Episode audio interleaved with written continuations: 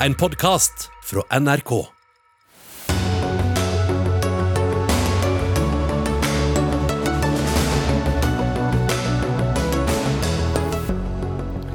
Dronning Elisabeths helse forverret. Barna hennes samler seg rundt sykesengen på Balmoller slott i Skottland.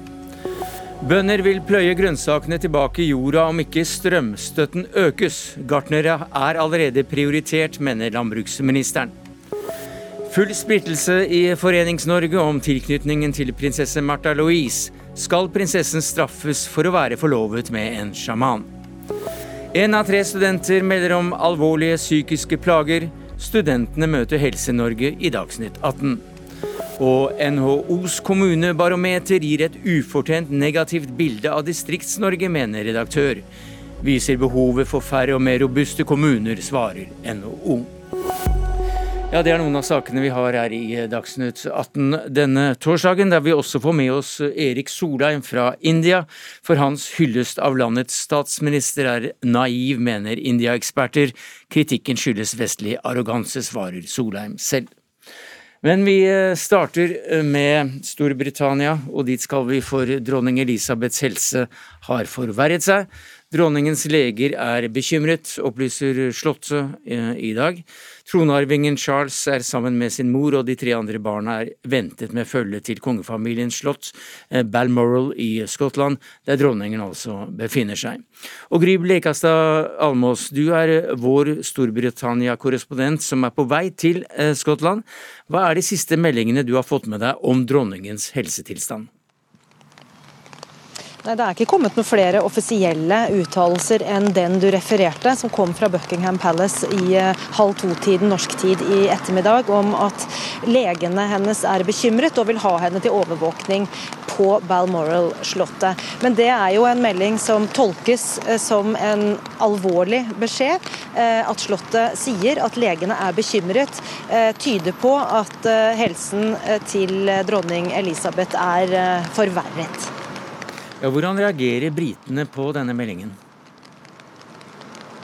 Det er jo en blanding av avventende stemning, men også et alvor selvfølgelig, som legger seg over britene nå. Nå begynner det å samle seg folk både ved Buckingham Palace og også ved Balmoral, der hvor hun er. Så det er ikke noe tvil om at mange briter følger tett med på det som skjer nå, og at forberedelsene for at et tronskifte er kommet liksom litt nærmere folks, folks følelser. Det er, no, det er, noe de nå forbereder seg, på, forbereder seg på at kan skje ganske snart. Men det er ikke lenge siden hun opptrådte offentlig? Nei, det er jo ikke det. fordi eh, På tirsdag så tok hun imot eh, Boris Johnson først og ga han avskjed som statsminister, og deretter Liz Truss, som hun da tok i ed som ny statsminister. Men eh, så Det skjedde jo da på Balmoral-slottet og ikke på Buckingham Palace, som er vanlig. og Det var fordi hun skulle slippe å ta den reisen, også da av hensyn til helsen hennes. Og så avlyste hun et digitalt møte med Det kongelige råd som hun egentlig skulle holdt i går, også pga. helsen. Så det har jo vært noen noen tegn til at hun ikke har vært helt pigg i det siste.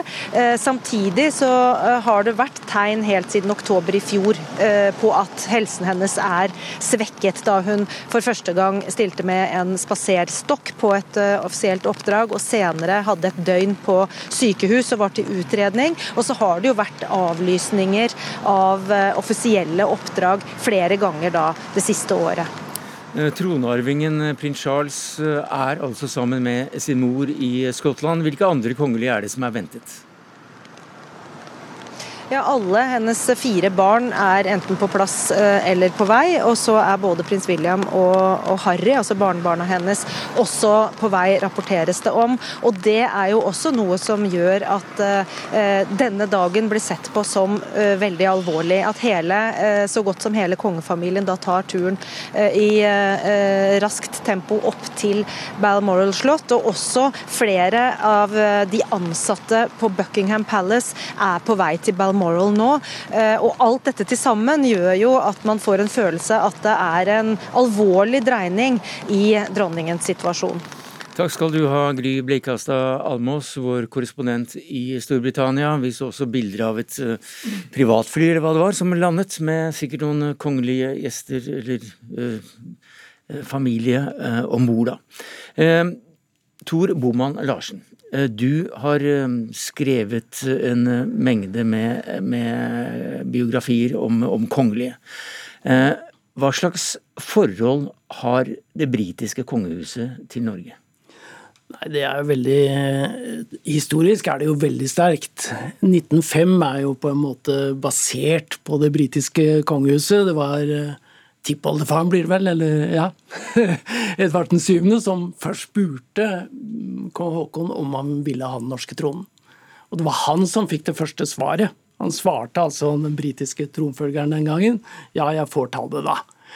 Eh, og det sier noe om både at han var gift med datteren til den, eh, til den britiske kongen, men, men, også om eh, betydningen av det engelske monarkiet og det britiske imperium.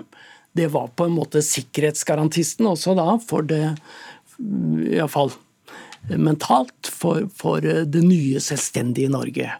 Og så uh, var han altså gift med dronning Maud, som, som hele tiden pleier kontakten uh, med England. Og da, da, hun dør, så skriver den britiske ambassadøren ja, så lenge hun levde, så var liksom det politiske og ikke minst det sikkerhetspolitiske forholdet mellom disse to landene en selvfølge. Og så etter krigen så, så er jo også forholdet sterkt, fordi den eh, norske kongefamilien bodde jo der. Og, og da hun blir dronning da, i 51, så, så Ja, det var 51, var ikke det? Var det 52? Uh, ja, hun blir jo dronning i januar. Men det første statsbesøket hun avlegger utenfor samveldet, går til Norge. Da kommer eh, Britannica, det nye dronningsskipet, må vi si, seilende opp mens med en skadre med, med krigsskip opp på Oslofjorden. Og det er tidenes statsbesøk i Norge. Mm -hmm. Og da besøker hun onkel Charles, som da er kong Haakon. Og han har fortsatt da det, det navnet innad i familien. Og vi har jo på Slottet noen brev fra dronning Elisabeth til, til sin norske onkel, eller grandonkel er han jo egentlig, og da er det 'Dear Uncle Charles'. Så uh, kron, uh, kronprinsen i, uh, i, Storbritannia han er altså oppkalt etter Norges konge? Ja, det Jeg kom jo i Windsor Castle over det brevet som på en måte dokumenterer det faktum. Han får navnet Charles, han er født i 48 eller noe sånt, 47. Og, og da blir kong Haakon invitert til England, kan dessverre ikke komme, men skriver et takkebrev om eh, til Elisabeth og Philip for at de oppkalte Charles etter onkel Charles, som jo den gang var den eldste og betydeligste monark i Europa, må vi ikke glemme. Eh, men Charles-navnet var jo sånn sett helt søkt. Da må vi tilbake til Cromwells dager. Eh, Charles den første og Charles den andre. Men så langt tilbake skal vi ikke? Nei, vi nøyde oss med kong Haakon, og så får vi Charles den tredje. Inger Merete Hobbelstad, du er kulturkommentator i NRK, og du har skrevet boka 'Årene med dronning Elisabeth', som kom ut for tre år siden. Hvordan blir det siste kapitlet, hvis du skulle ha skrevet det om hennes regjeringstid? Du, jeg tror det siste kapitlet ville være et litt melankolsk tilbakeblikk på en kvinne som virkelig hadde noe så gammeldags som et kall. Eh, den gang dronningen ble født i 1926, så var nok ikke dette så, sett på som så uvanlig. Men, men, nå som vi på en måte er mye mer opptatt av at vi skal realisere oss selv i livet, vi skal følge hjertet, eh, så er dette å si at nei, her har jeg en oppgave i livet, den er større enn meg selv, og alle mine andre lengsler, følelser, behov, de skal underordnes dette. Men slik har dronning Elisabeth levd sitt liv. Eh, disiplinert, pliktoppfyllende, stoisk.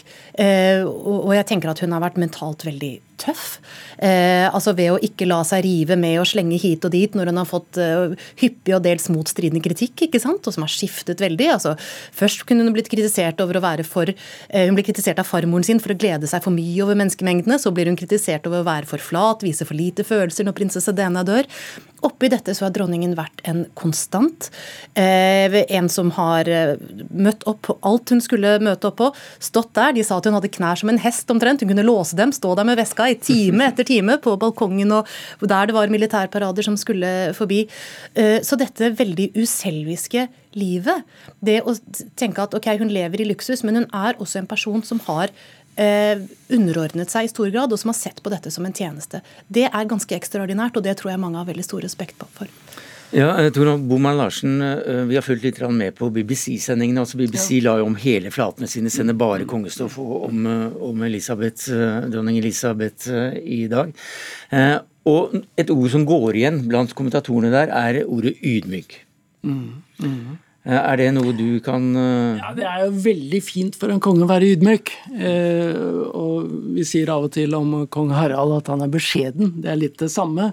Altså fordi posisjonen som monark er jo så pompøs og full av, av glans og, og, og, glamour at uh, hvis man da, uh, også som person, er innbilsk og selvopptatt uh, og, og maktsyk, så går det fort veldig galt. Så en ydmyk monark er kontrasten til nei, jeg er bare et lite vanlig menneske, og dette er symbolet. Det er kronen som stråler, ikke jeg.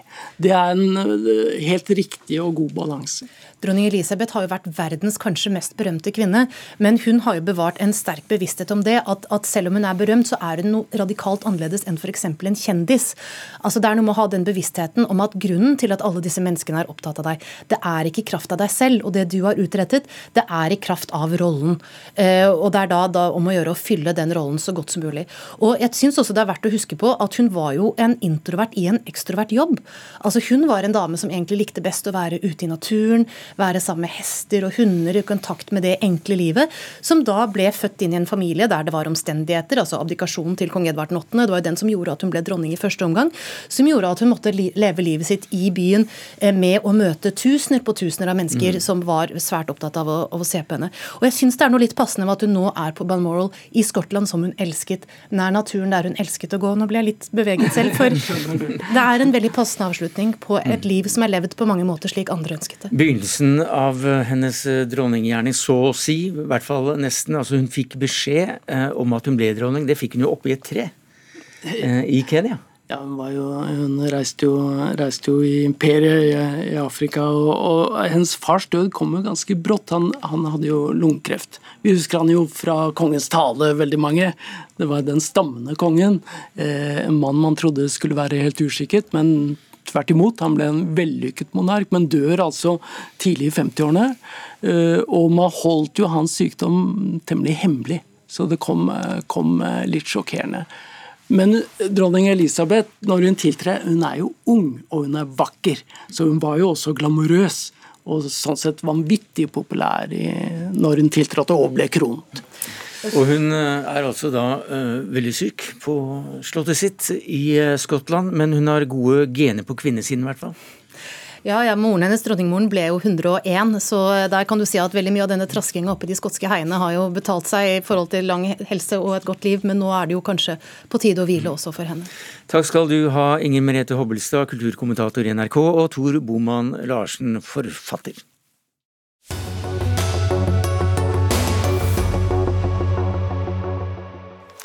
Ja, Flere forbund uh, vurderer sitt uh, forhold til prinsesse Märtha Louise. Uh, bakgrunnen er selvsagt hennes forlovede, sjamanen Durek Verit, og hans omstridte holdninger da, til eh, bl.a. Um, helsevesen, skolemedisin og hva som skal til for å helbrede alvorlige sykdommer. Eh, Epilepsiforbundet har eh, allerede latt være å søke om nytt såkalt beskytterskap hos prinsessen, og nå vurderer også dere i Norsk Revmatikerforbund forholdet til prinsesse Märtha Louise, generalsekretær Bo Gleditsch. Hvilke dilemmaer er det dere står overfor? Det synes vel egentlig ganske opplagt. Når vi har en eh, høy beskytter eh, hvis syn og kommunikasjon og står for et syn som ikke er forenlig med det vi eh, driver med i forbundet, en vitenskapelig metode, en vitenskapelig tilnærming til folkehelsespørsmål, så må vi selvfølgelig stille spørsmål ved om denne typen beskytterskap er til gagn for vår, vår måte å drive på eller ikke. Ja, Hvordan vurderes det akkurat nå? Altså, hovedproblemet vårt er jo, eller problem er det ikke, men vi er en demokratisk oppbygd organisasjon. og Det betyr at dette ikke er et spørsmål som vi avgjør i ledelsen. Dette er et spørsmål for landsmøtet vårt. Men vi må fortløpende vurdere dette, sånn at vi kan legge det frem for landsmøtet på en god måte. Nå skal det sies at prinsessen har vært vår eh, høye beskytter i 30 år. Eh, og det er ikke nytt at vi vurderer dette. Vi sendte det vi kaller en bekymringsmelding til Slottet allerede i 2019. Likevel så valgte man eh, å fornye dette i 2020. Eh, jeg jobbet ikke der da, så jeg vet ikke hvilke vurderinger som ble gjort, men jeg går ut ifra at det var fordi man så fordelene som større enn ulempene. Og det er ikke nødvendigvis noe vi mener i dag. Terje André Olsen, du er forbundsleder i Norges Blindeforbund, og dere er fornøyde med prinsessens beskytterskap og vil ikke avslutte samarbeidet. Hvorfor ikke? Nei, Vi har uh, vurdert den innsatsen uh, hun har gjort, og det som det beskytterskapet betyr for oss.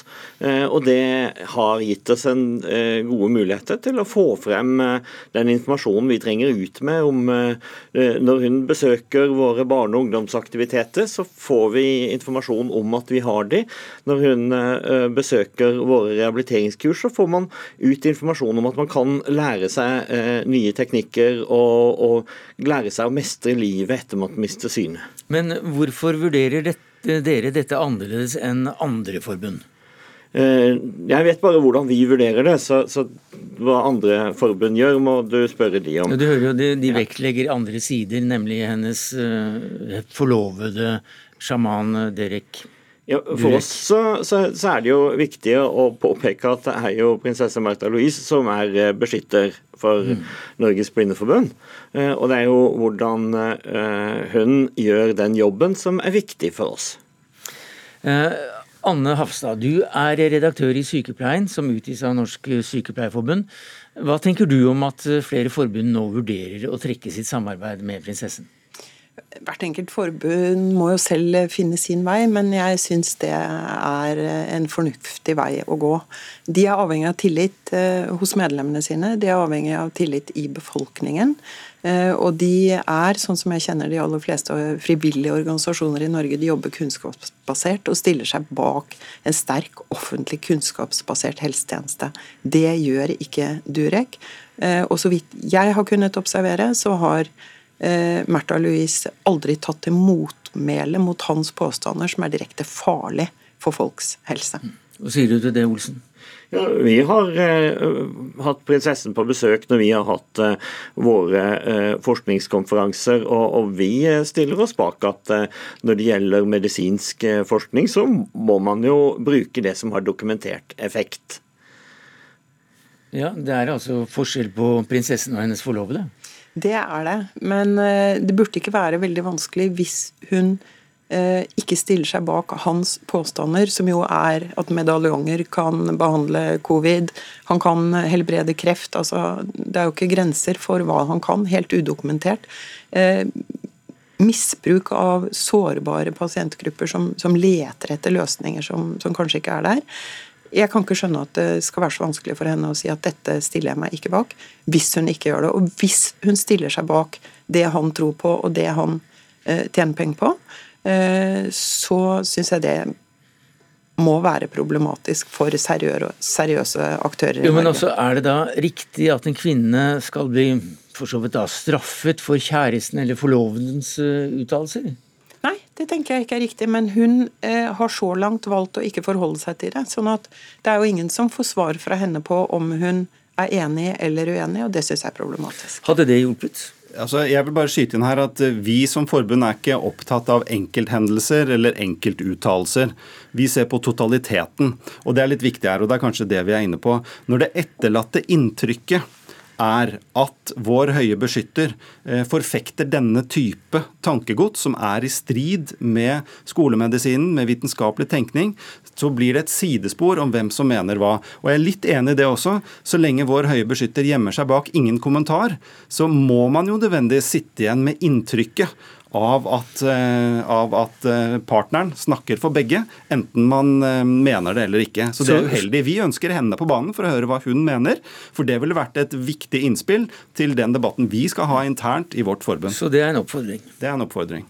Jeg tar jo det faglige perspektivet her, og jeg er jo ekstremt bekymret. Jeg tror ikke at, at en masse norske pasienter løper og kjøper medaljonger av Durek. Jeg tror ikke det. Eh, men det blir for lettvint å si at, at norske folk er smarte. Fordi vi snakker om sårbare mennesker, alvorlig syke, kronisk smertepasienter, kreftpasienter. Altså De leter desperat etter en løsning som den kunnskapsbaserte medisinen ikke kan gi dem. Eh, det bør Märtha ta avstand fra, eh, mener jeg. Hvis hun da mener det. Olsen? Ja, Vi eh, har jo vår erfaring basert på hva hun har ment og sagt i de sammenhengene vi har, har møtt henne. Og vi har jo en lang tradisjon med beskytterskap fra kongehuset. Eh, Norges Blindeforbund har hatt beskytterskap fra kongehuset siden 1909, og har hatt eh, prinsesse Märtha Louise som beskytter siden 2005. Og I den perioden så har hun besøkt oss, og vi har orientert om virksomheten vår. Og vi har fått høre om hennes Eh, synspunktet. Og, og, med, eh, og, basert på det, så er det vi gjør den vurderingen at uh, dette at dette er en positiv situasjon fortsatt. Hafstad. Nei, altså Vi har en, en, sterk, god, kunnskapsbasert offentlig helsetjeneste i Norge. Jeg forventer at kongehuset aktivt støtter den. Det har de for så vidt gjort. Men parallelt med det så sitter hun smilende ved siden av han i enhver sammenheng. Og de tvitrer og de er ute på sosiale medier hvor hun er sammen med han når han forfekter sine syn. Mm. Det er vanskelig å ikke tolke det som at hun støtter han. Olsen. Ja, jeg tenker at eh, eh, når vi har eh, beskytter eh, i prinsessen, så er det jo hennes måte å være på, hennes ting, eh, som vi må forholde oss til. Eh, og så er det jo sånn at jeg syns jo det er drøyt å, å forvente liksom at nå skal kvinner unnskylde sine menn. Jeg trodde kanskje vi var kommet litt lenger enn det. Jeg mener ikke at hun skal unnskylde sin mann, jeg mener at hun skal flagge sitt eget synspunkt, nettopp som en uavhengig og sterk kvinne, som hun jo faktisk er. Men eh, Durek Verrett eh, har da nylig også sagt i VG at han ikke hadde overlevd selv uten eh, skolemedisin. Omtaler norsk helsevesen som et av verdens beste. Ja, det har han jo helt rett i. Men det ligger et men der. Han har ikke trukket tilbake de påstandene han har kommet med når det gjelder hva han kan helbrede, og hva medaljonger kan gjøre for folks helse. Så det er like problematisk. Men det skulle blott bare mangle at man ikke anerkjenner norsk helsetjeneste. Jeg bare understreker igjen at det handler jo om helheten. Man kan gjerne si noe, men når over tid man viser noe helt annet, så er det det som blir utfordrende. Da skal også um, den debatten fortsette i eh, mange ulike foreninger. Foreningen for muskelsyke vurderer også å trekke seg fra videre samarbeid med prinsessen. Og når det gjelder da uh, Revmatikerforbundet, når er det avgjørelsen faller der? Det kommer jo an på eh, om dette eskalerer eller ikke. Men i utgangspunktet, som jeg sa, dette, vi er en demokratisk organisasjon, og da vil dette være landsmøtemat. I i eh, høsten 2023, med mindre det fremskyndes. Takk skal du ha, Terje André Olsen, forbundsleder i Norges Blindeforbund, Bo Gleditsch, generalsekretær i Norsk Rematikerforbund, og til deg, Anne Hafstad, redaktør i Fagbladet Sykepleien.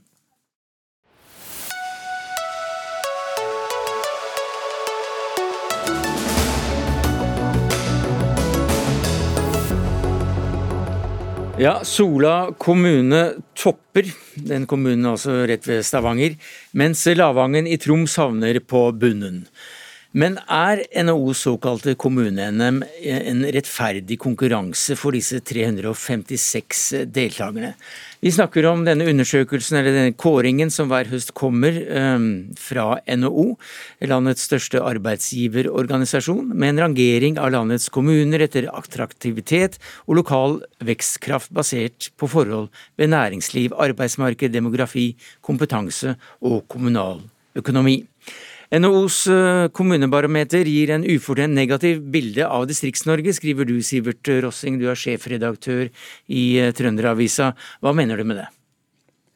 Det kan jo være både morsomt og nyttig med rangeringer, eh, men det NHO gjør hvert år her, det er jo bare å autogenerere ei liste for Distrikts-Norge er dømt til å komme eh, på bunn. Eh, det er et sett med kriterier som for det første kommunene ikke har noe, nesten noe de skulle ha sagt eller kunne påvirke. Næringslivet i de her kommunene har ikke noe de skulle ha påvirka. Og Summen av det her er at en gang i året så får man en real kalddusj med å bli minnet på at man har ganske store problemer knytta til ja, sentralisering, da, som det egentlig det her barometeret måler. Ja, men Er ikke det riktig da så, å vise slike eh, tendenser og slike kriterier ut fra en rangeringsordning? Ja da, Det er ingenting i målinga fra NHO som er feil, men eh, det er litt passivt av NHO å bare eh, hvert år konstatere at alt er attraktivt og bra i Oslo, Bærum og Sola, og alt er liksom negativt i Distrikts-Norge. Man retter en pekefinger her mot kommunene. Men jeg spør jo litt sånn tilbake, da, hva er det NHO egentlig gjør for å, eh, for å snu denne utviklinga? For det er, jo, det er, jo, ingen som er uenig i at vi har ganske store sentraliseringsutfordringer i mange kommuner, men liksom eh, Og så? Ja, Sjefen for uh, pekefingrene i år, det er deg, Øystein Dørum. Du er sjeføkonom i NHO, ansvarlig for uh, kommunebarometeret. Hva sier du til denne kritikken?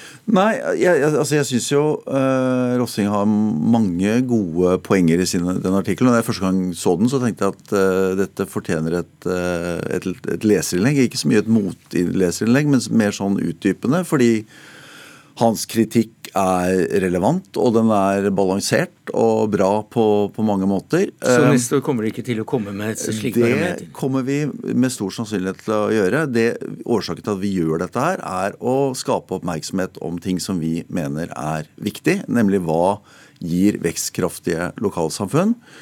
Det er viktig fordi vi trenger vekstkraftige lokalsamfunn, fordi vi trenger en vekstkraftig nasjonaløkonomi, og fordi alle våre bedrifter de, de skal virke eh, lokalt.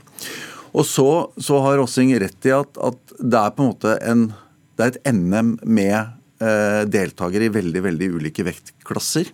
Her konkurrerer de med svake forutsetninger med de som har gode forutsetninger. Men man kan konkurrere om sin relative posisjon. altså Man har mulighet til å bedre sin relative posisjon. Og man kan også konkurrere mot seg sjøl, i den forstand at man kan gjøre det bedre over, over tid. Men hva vil dere da med det?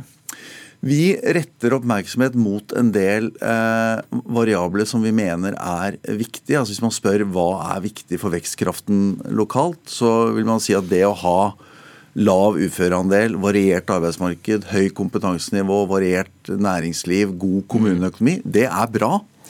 Og, og det er liksom vanskelig å, å, å motsi akkurat, akkurat, det. Og så bidrar jo denne norgesmesterskapsdimensjonen til å gi oppmerksomhet om, om dette. Rossing. Ja, det gir oppmerksomhet, men det gir jo også ganske stor negativ eh, oppmerksomhet. Det er jo, det er jo klart at det faktorene her eh, spiller en stor rolle for, eh, for liksom hvorvidt privat næringsliv etablerer, etablerer, seg eller blir igjen i en kommune. Men samtidig, det, det, er jo en, det er en ganske sånn betydelig eh, negativ tilbakemelding eh, for mange kommuner som gjør et formidabelt, formidabelt arbeid med liksom, næringsarbeid, og, og, kanskje til og med lykkes i å skape et stort antall arbeidsplasser, uten at det egentlig er noe i denne målinga som engang fanger opp det. Sånn at jeg, skjønner på en måte hva NHO vil, men jeg tror man kunne kommet mye lenger med å breie ut målinga, og jeg tror man òg kunne vært mer konstruktiv da, i, å, i, å, faktisk eh, gjort sin andel med de problemstillingene, og ikke liksom peka på at det, at det, er det offentlige og kommunene som har eh, ansvaret for å lykkes i, i pressa distriktskommuner. Ja, hva slags spørsmål er det du da savner f.eks. i en slik undersøkelse? Nei, Det, jo, eh, det kunne vært et bilde på hva som har skjedd de siste årene. Man har eh, tært nye arbeidsplasser, og man hadde eh, ja, gjort en mer sånn eh, kvalitativ vurdering på et eller annet måte for å, for å fange opp eh, det arbeidet som gjøres. Eh, tilbakemeldinger fra lokalt næringsliv på hva er det lokalpolitikere gjør. Eh, saksbehandlingstid i, kommuner. altså Det er jo masse man kunne ha tatt inn her, men i stedet så tegner man jo egentlig et bilde på på demografi, da, fraflytting og eldreandel og uføreandel osv. Som, er, som er en bit av bildet, men et ufullstendig bit av bildet, spør du meg. Ja, nei, dette det starter jo ikke og stopper med, med kommunene. Altså, det, det ene, ene, kommentaren her er at uh, fordelen med dette her er at det består av, eller er laget på basis av, objektive indikatorer, altså tall som vi får fra SSB og, og, Nav. Hvis vi skulle begynt å legge inn elementer av, av skjønn, så ville det, den objektive delen være, være borte. I artikkelen så har Rossing en del eksempler på, på indikatorer som jeg mener er, hadde vært relevante å ta med, men hvor vi mangler tidsserier for sammenligning over tid, eller kanskje mangler tall på tvers av, tvers av kommuner. Og så er det viktig å si at dette måler noe. Det måler måler og måler, men det gir en indikasjon på lokal vekstkraft. Men det måler ikke hvor godt det er å bo i en, eh, i en kommune. Det måler heller ikke kommunens næringsvennlighet. Men, men det du peker på med, med, vekst i arbeidsplasser, det vil komme til uttrykk. Hvis en kommune klarer å lokke en bedrift, eh, en stor bedrift til å komme til bygda på basis av det ene eller det andre, så vil jo øh, den score positivt på, på det. Men, men, men, som sagt, det er, ikke, det er ikke næringsvennlighet som sådan som vi måler i denne undersøkelsen. Rossing, eh, hvilke negative konsekvenser frykter du at en slik eh, rangering kan få? Nei, det er klart De som allerede driver i dette området, får jo eh, nok en påminner om at man har store negative forutsetninger. De som kanskje vurderer å etablere, kan gjøre det. Lokalpolitikere kan miste motivasjon og det generelle oppfatningen folk, folk, som bor i mange av kommunene her, er jo at man igjen da blir minnet på at eh, liksom det går dårligere i Distrikts-Norge. Nei, altså, det, det, det, er jo på en måte realiteter. Altså, det at en kommune vil få eh, 30-40% av befolkningen over 80 år relativt til arbeidsstyrken om 20 år, det er, det er en realitet. Uh, og jeg tror ikke man tjener noen ting på å, å gjemme bort uh, realiteter. Og som jeg sa, det, Dette stopper jo ikke med kommunene. men NHO er opptatt av tiltak som gir lys i husene. Og da trenger du arbeidsplasser. Og man er opptatt av det som kan legge til rette for arbeidsplasser lokalt. Men det å, å gjemme bort virkeligheten, som litt sånn ufin tolkning av, min, av deg da, fra min side legger opp til, det, det syns jeg ikke er noen god idé. Eh, jeg tror vi må stoppe der. Vi får vente til neste år og så se om det har vært en eh, intern eh, rokering av plasseringene. I år så var det altså Sola kommune som, som vant det hele, mens Lavangen i Troms havnet helt på bunnen. Takk skal du ha, Øystein Dørum, sjeføkonom i NHO. Takk til deg, Sivert Rossing, sjefredaktør i Trønderavisa.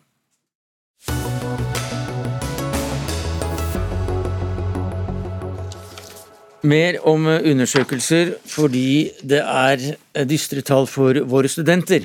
For eh, tolv år siden opplevde én av seks alvorlige psykiske plager, ifølge dem selv.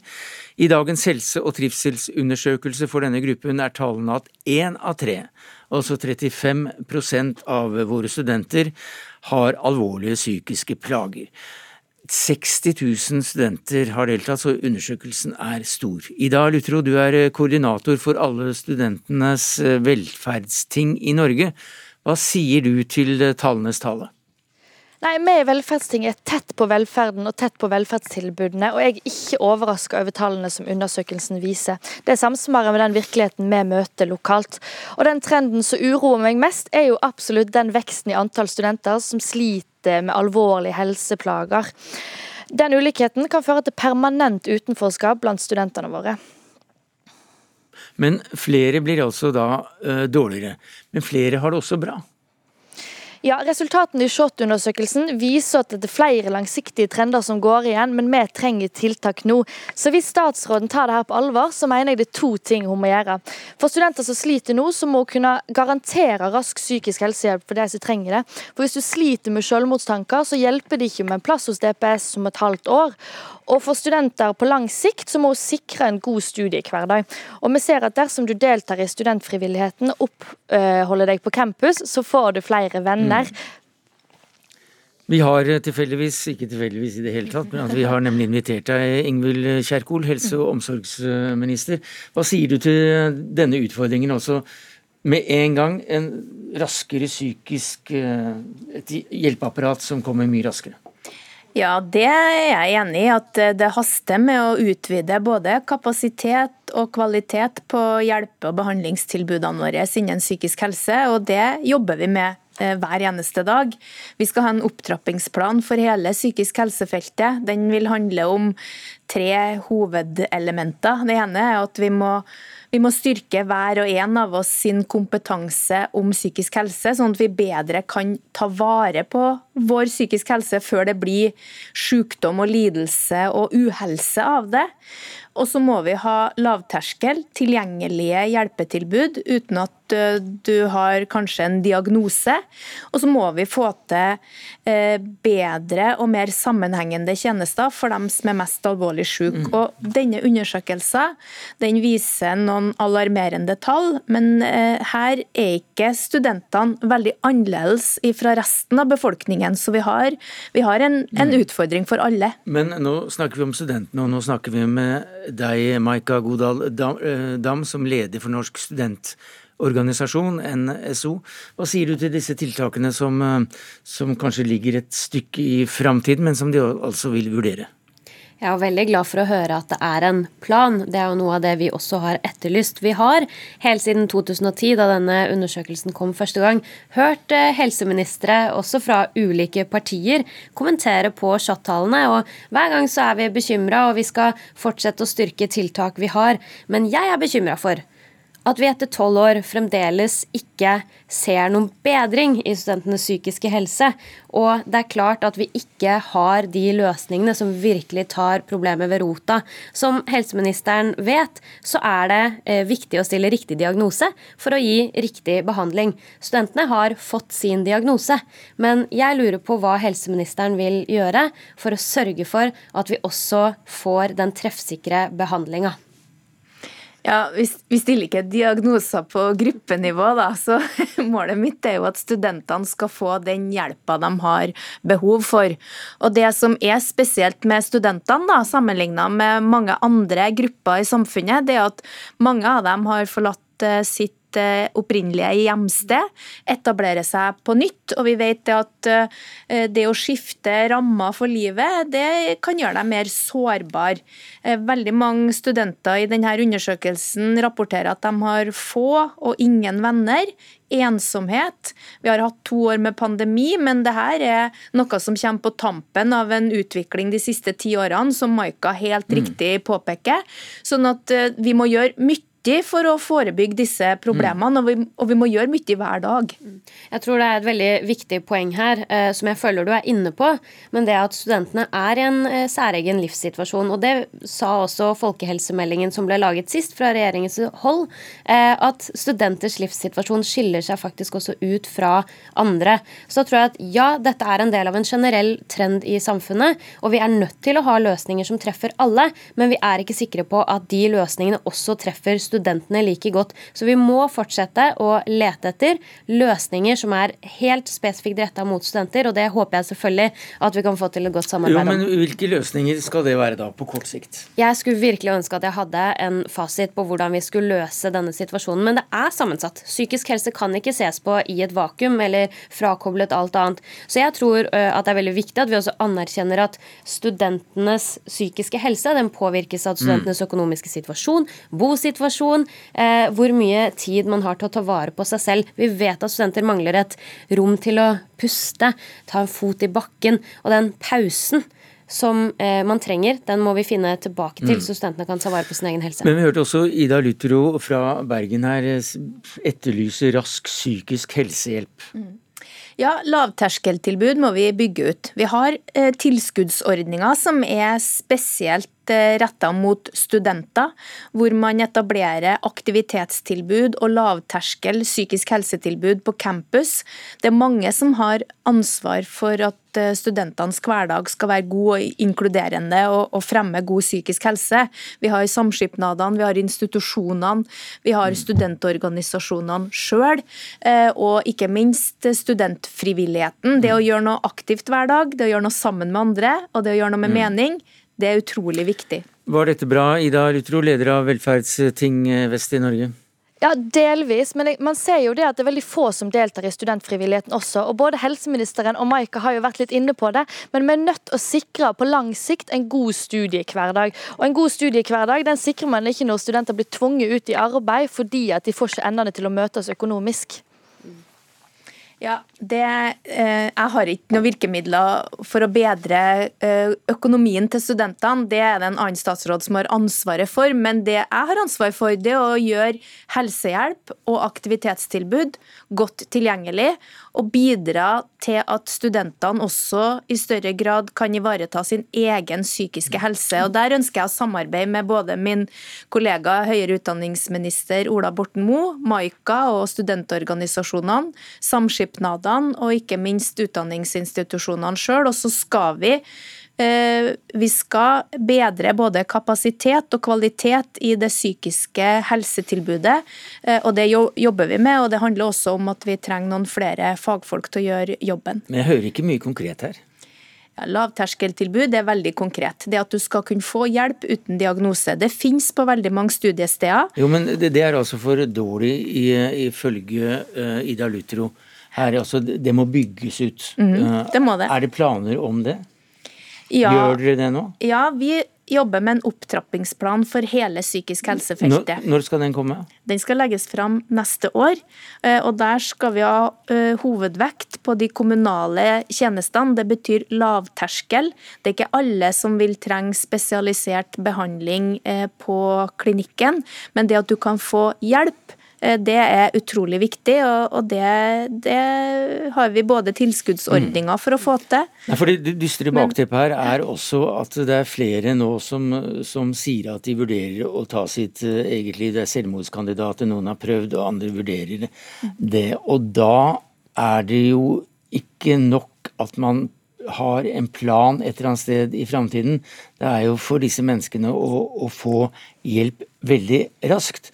Så da er spørsmålet hvor raskt kan dere utbygge uh, psykisk helsehjelp for studentene? Det å forebygge selvmord, det er vi veldig opptatt av. Det må det jobbes på bred basis for å gjøre. Både for å forebygge selvmord blant dem som er inn og får behandling, allerede er en del av helsetjenestens eh, eh, tilbud, men også dem hvor det skjer eh, overraskende for omgivelsene. Det å bli student, det er en endring i livet som kan være sårbar. Og det at man mister framtidshåpet, er ofte forbundet med tap og konflikt og studenttilværelsen kan forsterke mm. den type opplevelser. Både fordi at det er trangere økonomisk, man bytter hjemsted, Eh, og man er en ja, periode det, litt dette, rotløs. Dette, dette, er alt sammen uh, sikkert helt riktige beskrivelser av situasjonen, men spørsmålet var når kan et forbedret tilbud være på plass? Det må vi jobbe med hver eneste dag. Jeg tror alle mm. sammen skjønner at dette ikke handler om enkelttiltak, men både om en stor samfunnsutfordring og det at okay.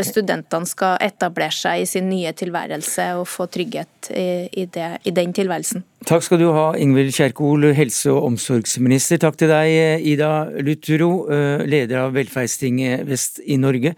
Maika Godal Dam, du er leder av Norsk studentorganisasjon, NHS. Takk til deg også.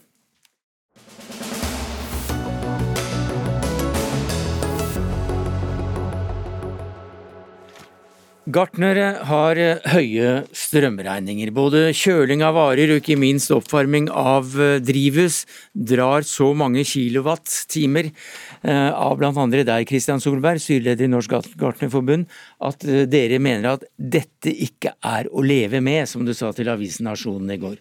Hva er det som er galt?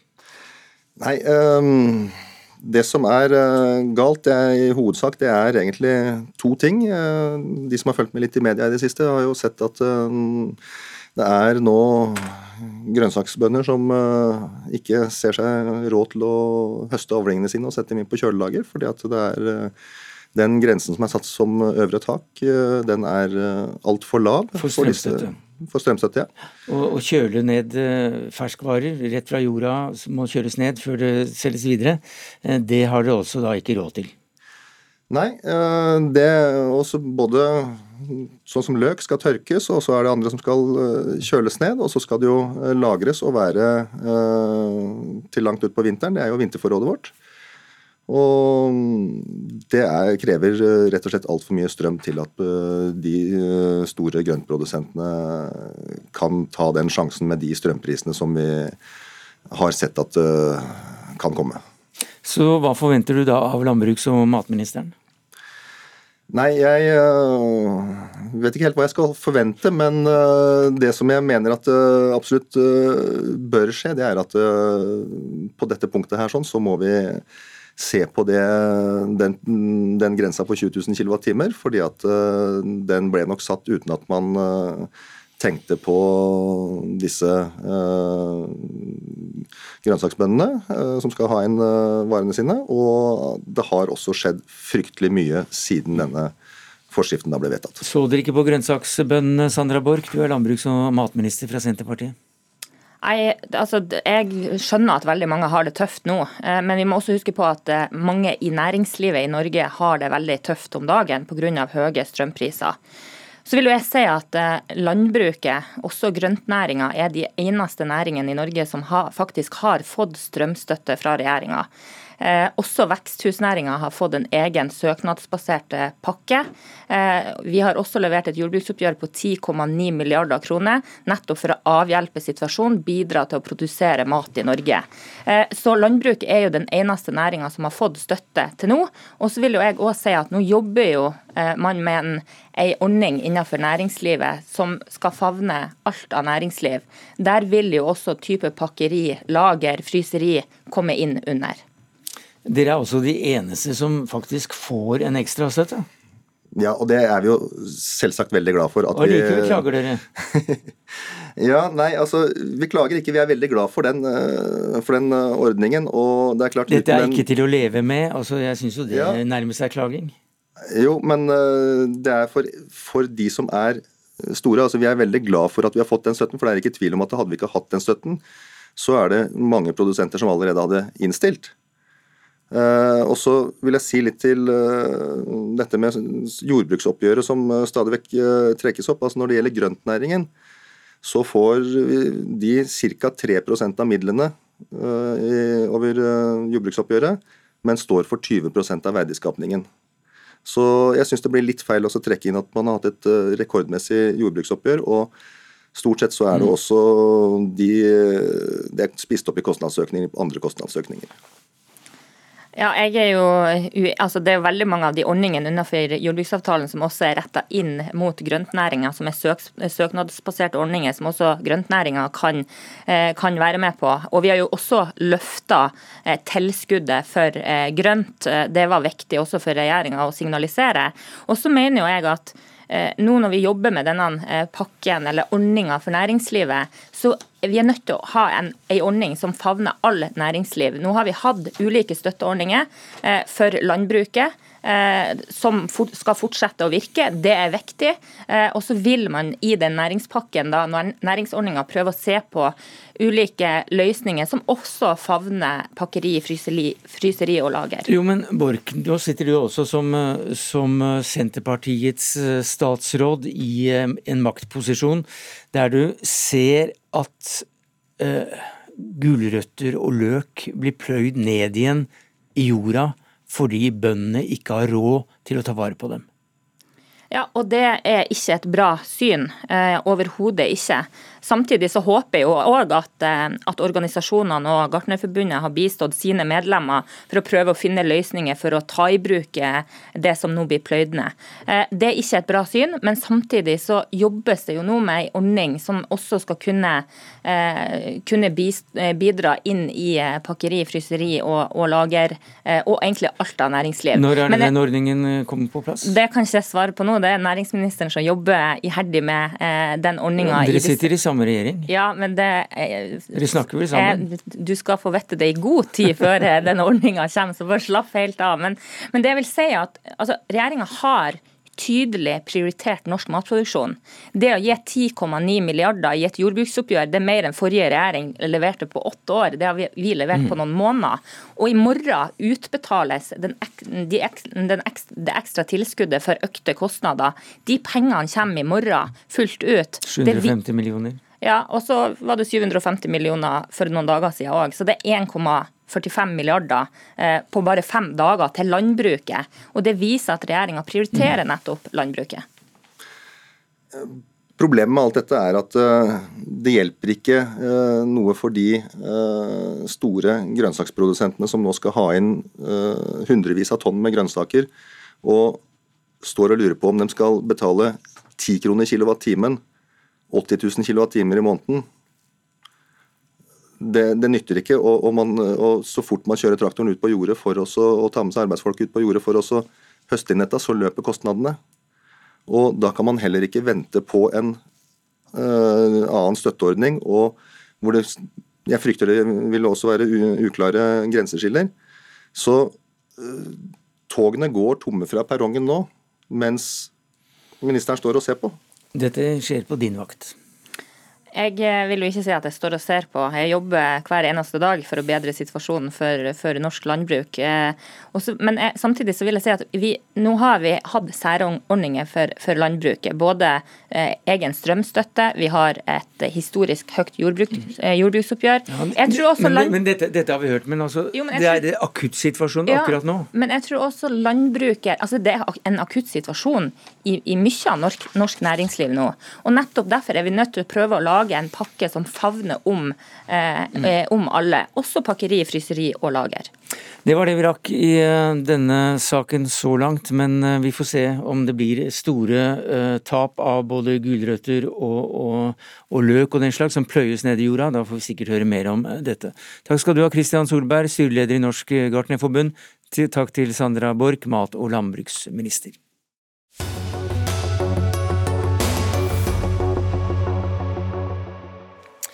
Ja, Indias eh, statsminister Narendra eh, Modi har blitt anklaget for å svekke demokratiet i eh, India.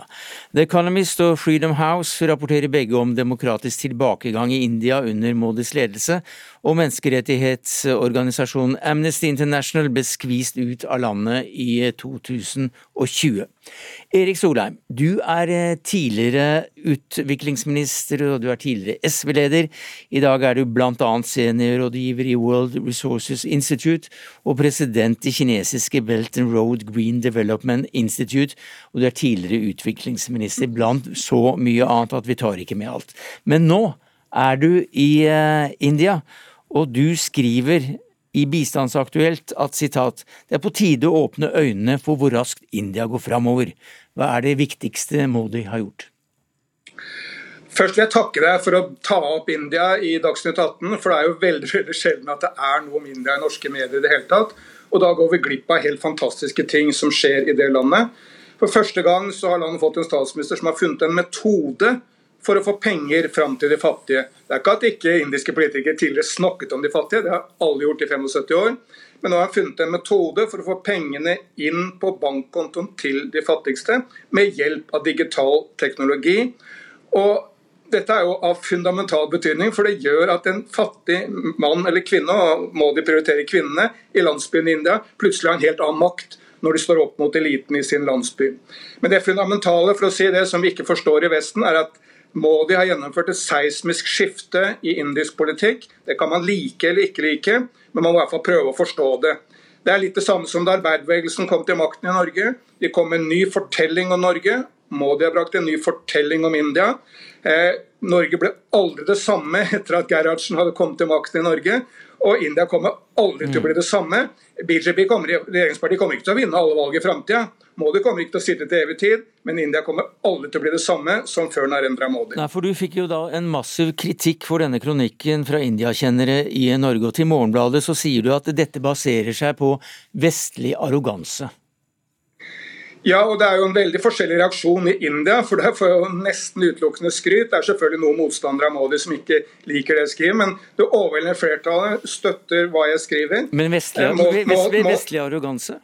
Eh, Modi har jo da vunnet nær alle valg. Etter at han kom til makten i 2013, så har han vunnet nær alle valg. Alle mm. nasjonale valg og nær alle valg i det nordlige og det sentrale India.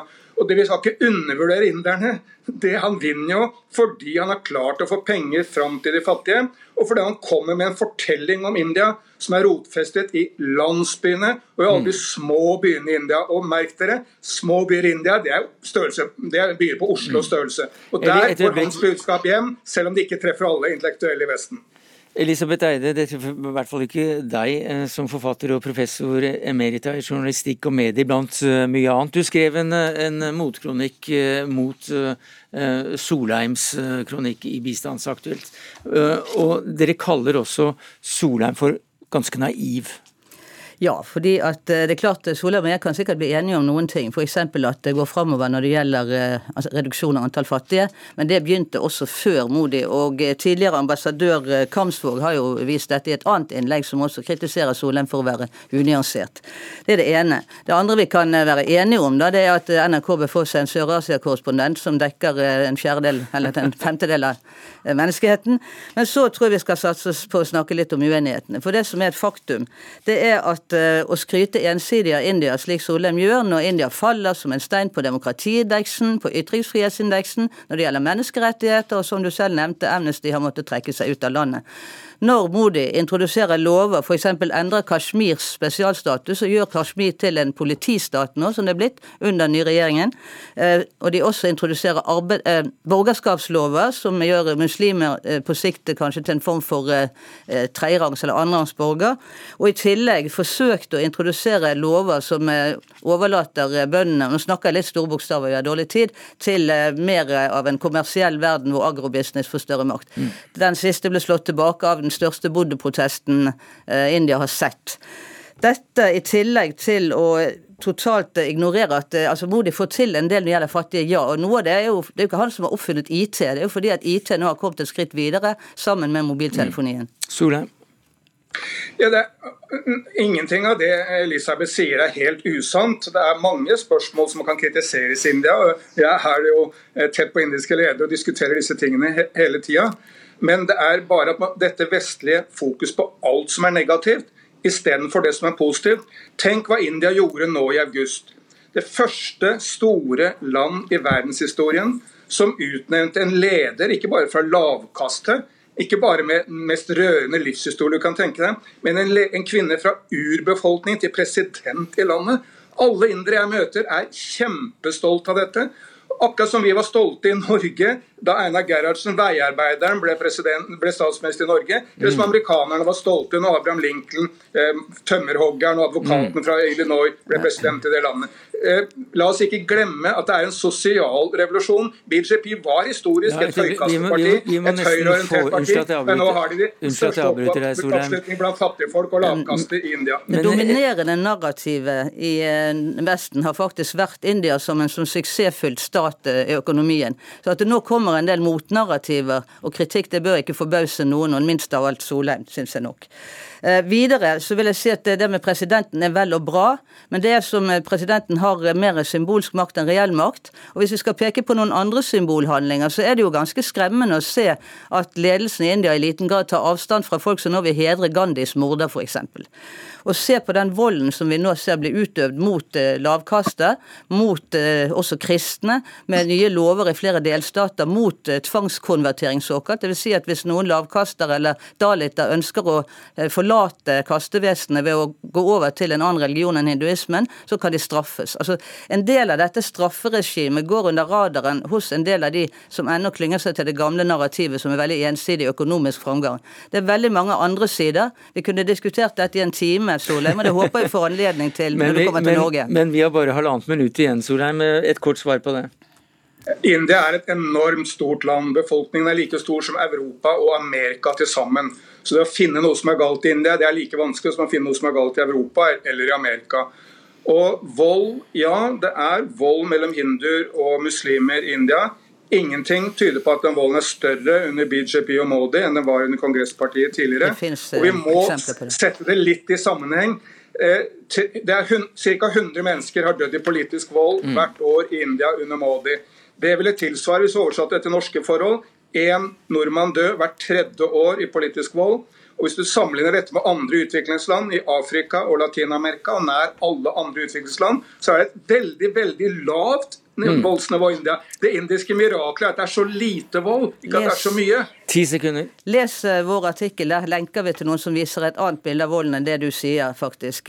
Og eh, statistikker, vi skal ikke være helt naive. Det finnes veldig mange statistikker fra India som også delvis motsier hverandre. Hvis dere vil vite mer om dette, så kan du bl.a. lese Elisabeth Eides bok 'India på vei mot eh, hindunasjonalisme'. Takk skal du ha, Erik Solheim, for at du var med oss direkte fra India. Takk til deg, Elisabeth Eide, forfatter og professor emerita ved Oslo OsloMet. Det var det vi rakk i Dagsnytt 18 eh, denne torsdagen. Takket være ansvarlig for det hele, Gro Arneberg. Teknisk ansvar hadde Elisabeth uh, Sellreite. Jeg heter Sverre Tom Radøy. Du har hørt en podkast fra NRK. Hør flere podkaster og din favorittkanal i appen NRK Radio.